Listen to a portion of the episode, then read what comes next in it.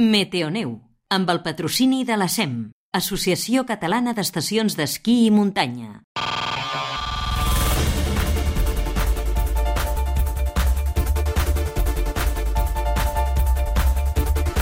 Què tal? Anem cap a la neu i ho fem amb aquesta cera, eh, que és un referent. És un referent perquè ja sabeu que el món camina cap a ser menys, eh, menys agressius amb l'entorn, ja sigui amb els residus, amb els plàstics, amb els envasos, amb els derivats del petroli, i des de fa anys un invent català de cera per encerar doncs, les taules de surf, els esquís, etc es fa eh, sense cap ingredient derivat del petroli. És la cera en zero i el director de l'empresa Martin Sports Wall, eh, Guillem Capellades, ens acompanya a l'altra banda de la línia digital. Guillem, què tal? Bona tarda. Hola, bona tarda, Francesc, com esteu? Bé, escolta'm, quants anys portem ja d'aquesta cera que, que va revolucionar per, per, per ecològic el mercat? Doncs mira, vaig començar el 2015 uh -huh. i després va haver-hi els reconeixements a nivell internacional, van arribar el 2017, 2018 i fins ara. O sigui que ja força, ja, si, si ens aturem a pensar-hi, força temps. Déu-n'hi-do. I, I tot l'any m'imagino que en funció de quan és l'hivern a l'hemisferi nord o a l'hemisferi sud, voltant pel món. Mm -hmm, exacte. Estem treballant, òbviament, ara en plena temporada de l'hemisferi nord, mm -hmm. però sí que aquest estiu hem estat fent proves amb noves formulacions i amb nova gent a, a, a Xile. Llavors, eh, mm. eh, són, nous, són nous mercats que d'una manera o altra també s'han de beneficiar i també tenen cures, sobretot en països com Xile, amb molta sensibilitat mediambiental, doncs que, que bé, que són espais ideals per, per l'ús dels nostres productes. Doncs va, comencem per aquí. Dius noves formulacions, eh, per on van els trets? Perquè em penso que el vostre producte, clar, jo no us demanaré la fórmula exacta com la Coca-Cola, eh?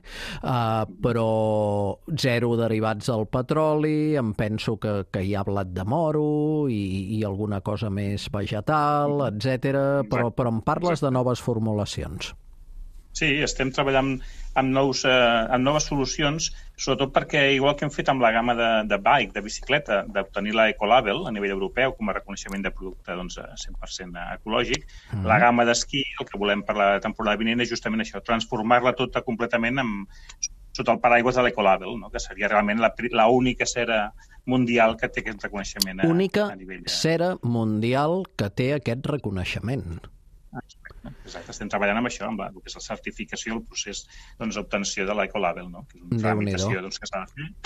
Sí, sí, sí. sí. M'has parlat de neu i, i m'has parlat de bicicleta, de bike. Uh, Explica'ns. Bé, el que està clar és que la, la, la, sempre començo les xerrades una miqueta amb aquesta reflexió de dir tots ens agrada sortir a la, a la muntanya a practicar el nostre esport, tots ens agrada gaudir de la natura, però realment som poc conscients de l'afectació que té aquesta activitat i aquesta sortida. No?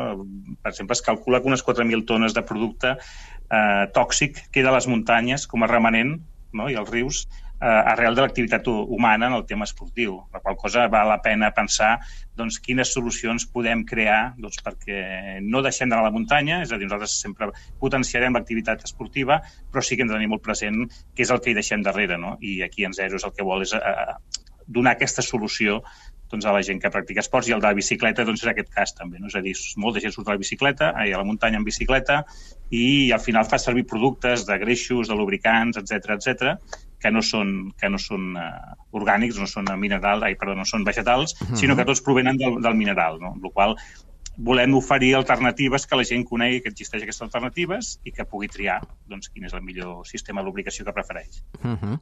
Si tornem cap a la neu, eh, cera per encerar en fred, cera per encerar en calent. Virtuts, defectes, respectius... No, bàsicament és la, la, el, moltes vegades jo parlo de la mandra, no? de, la, o de, de, de, de l'oblit de l'esquiador de preparar el material i, evidentment, la cera líquida és la que et dona el, el, el deslliçament, diguem-ne, instantani, que tu pots aplicar a qualsevol lloc, sortint de casa, dins de, quan t'estàs posant les botes a fora del cotxe, i la cera sòlida és la que requereix una miqueta més de, de, de destresa i de, i de tècnica, però que al final els clients ens, ho, ens, ho, ens, ho, ens reconeixen que ho fan a casa doncs, amb una planxa, amb la rasqueta, amb el, amb el raspall, o si no és el mateix procediment professional que fan els, els tallers o els lloguers d'esquí. De, Uh -huh. Diferències entre països. Um, Europa, Espanya, Catalunya, um, Andorra, uh, Amèrica, Nova Zelanda... Uh, bé, ja no et pregunto per la Índia, el Marroc o el Pakistan o, o altres destins, podríem dir, me, més exòtics d'esquí, de, però... Um, per on van els tiros? L'esquiador, el surfista, es preocupa, no, depèn...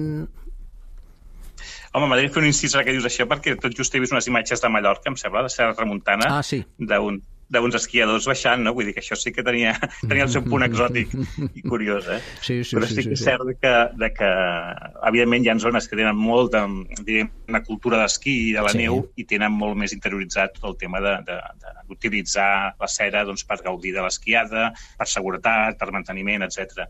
Però sí que és cert que cada cop més, sobretot amb el tema sostenibilitat, nosaltres detectem, evidentment, perquè l'empresa doncs, eh, va entrar en nous mercats i, i ens, i ens interlocuten en reunions i en, i en fires que fem, de que cada cop més la gent està molt més sensibilitzada. No? Penso que passa a nivell societat, de societat a tot arreu, el textil, el menjar, etc. Però el cas concret de l'esquí o de la neu, dels esports, sí que és cert que cada cop veus la gent més preocupada, si més no perquè s'assabenta que el que fa servir no és, no és eh, ecològic i llavors es desperta i diu, ostres, existeix alternativa, llavors és quan els hi oferim doncs, eh, que, que coneguin que realment hi ha, hi ha, hi ha altres maneres de fer la pràctica esportiva més, més sostenible. Uh -huh. uh, la temporada, què tal, com avança? Clar, mm, els Alps van patir moltíssim. Ara ha arribat la neu uh, d'una manera important en algunes serralades de la península. Uh, a on estem de la temporada? O, com passa amb la moda, tot el que s'havia de vendre ja s'ha venut de fa temps i, i esteu mirant més enllà?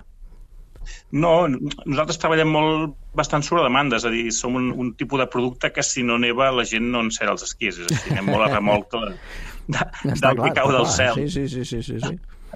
Llavors, no és com la roba o el material dur que la gent eh, són de temporada i s'ho compra doncs, abans que comenci doncs, per estar preparat. El tema dels esquís, normalment eh, anem molt a remolc de, la, de les circumstàncies.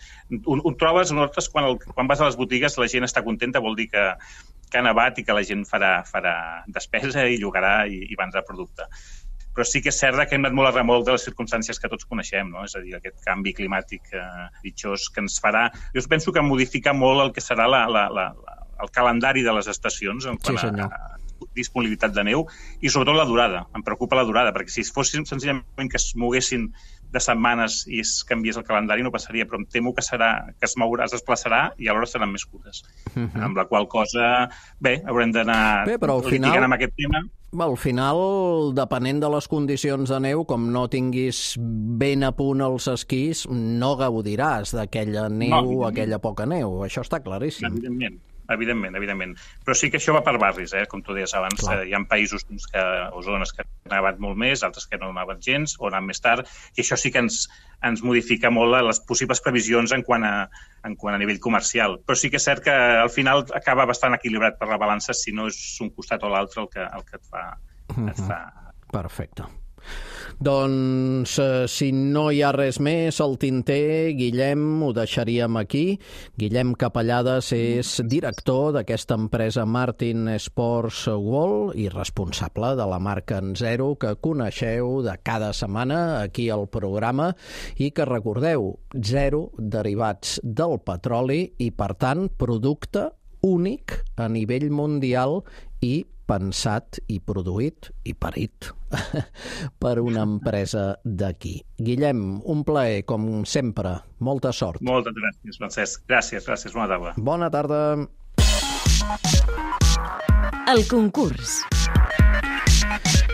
Anem al concurs amb la pregunta. Hi ha cera en zero per encerar en calent només o també per encerar en fred? Uh, només per encerar en calent o també per encerar en fred? Un aplicador de cera líquida en zero, recordeu, p- per als tipus que vulgui l'esquiador. És a dir, si l'esquiador és del pi i li toca, evidentment podrà triar el pi, però també pot triar mm, la variant de snow nou, de muntanya o d'esquí nòrdic.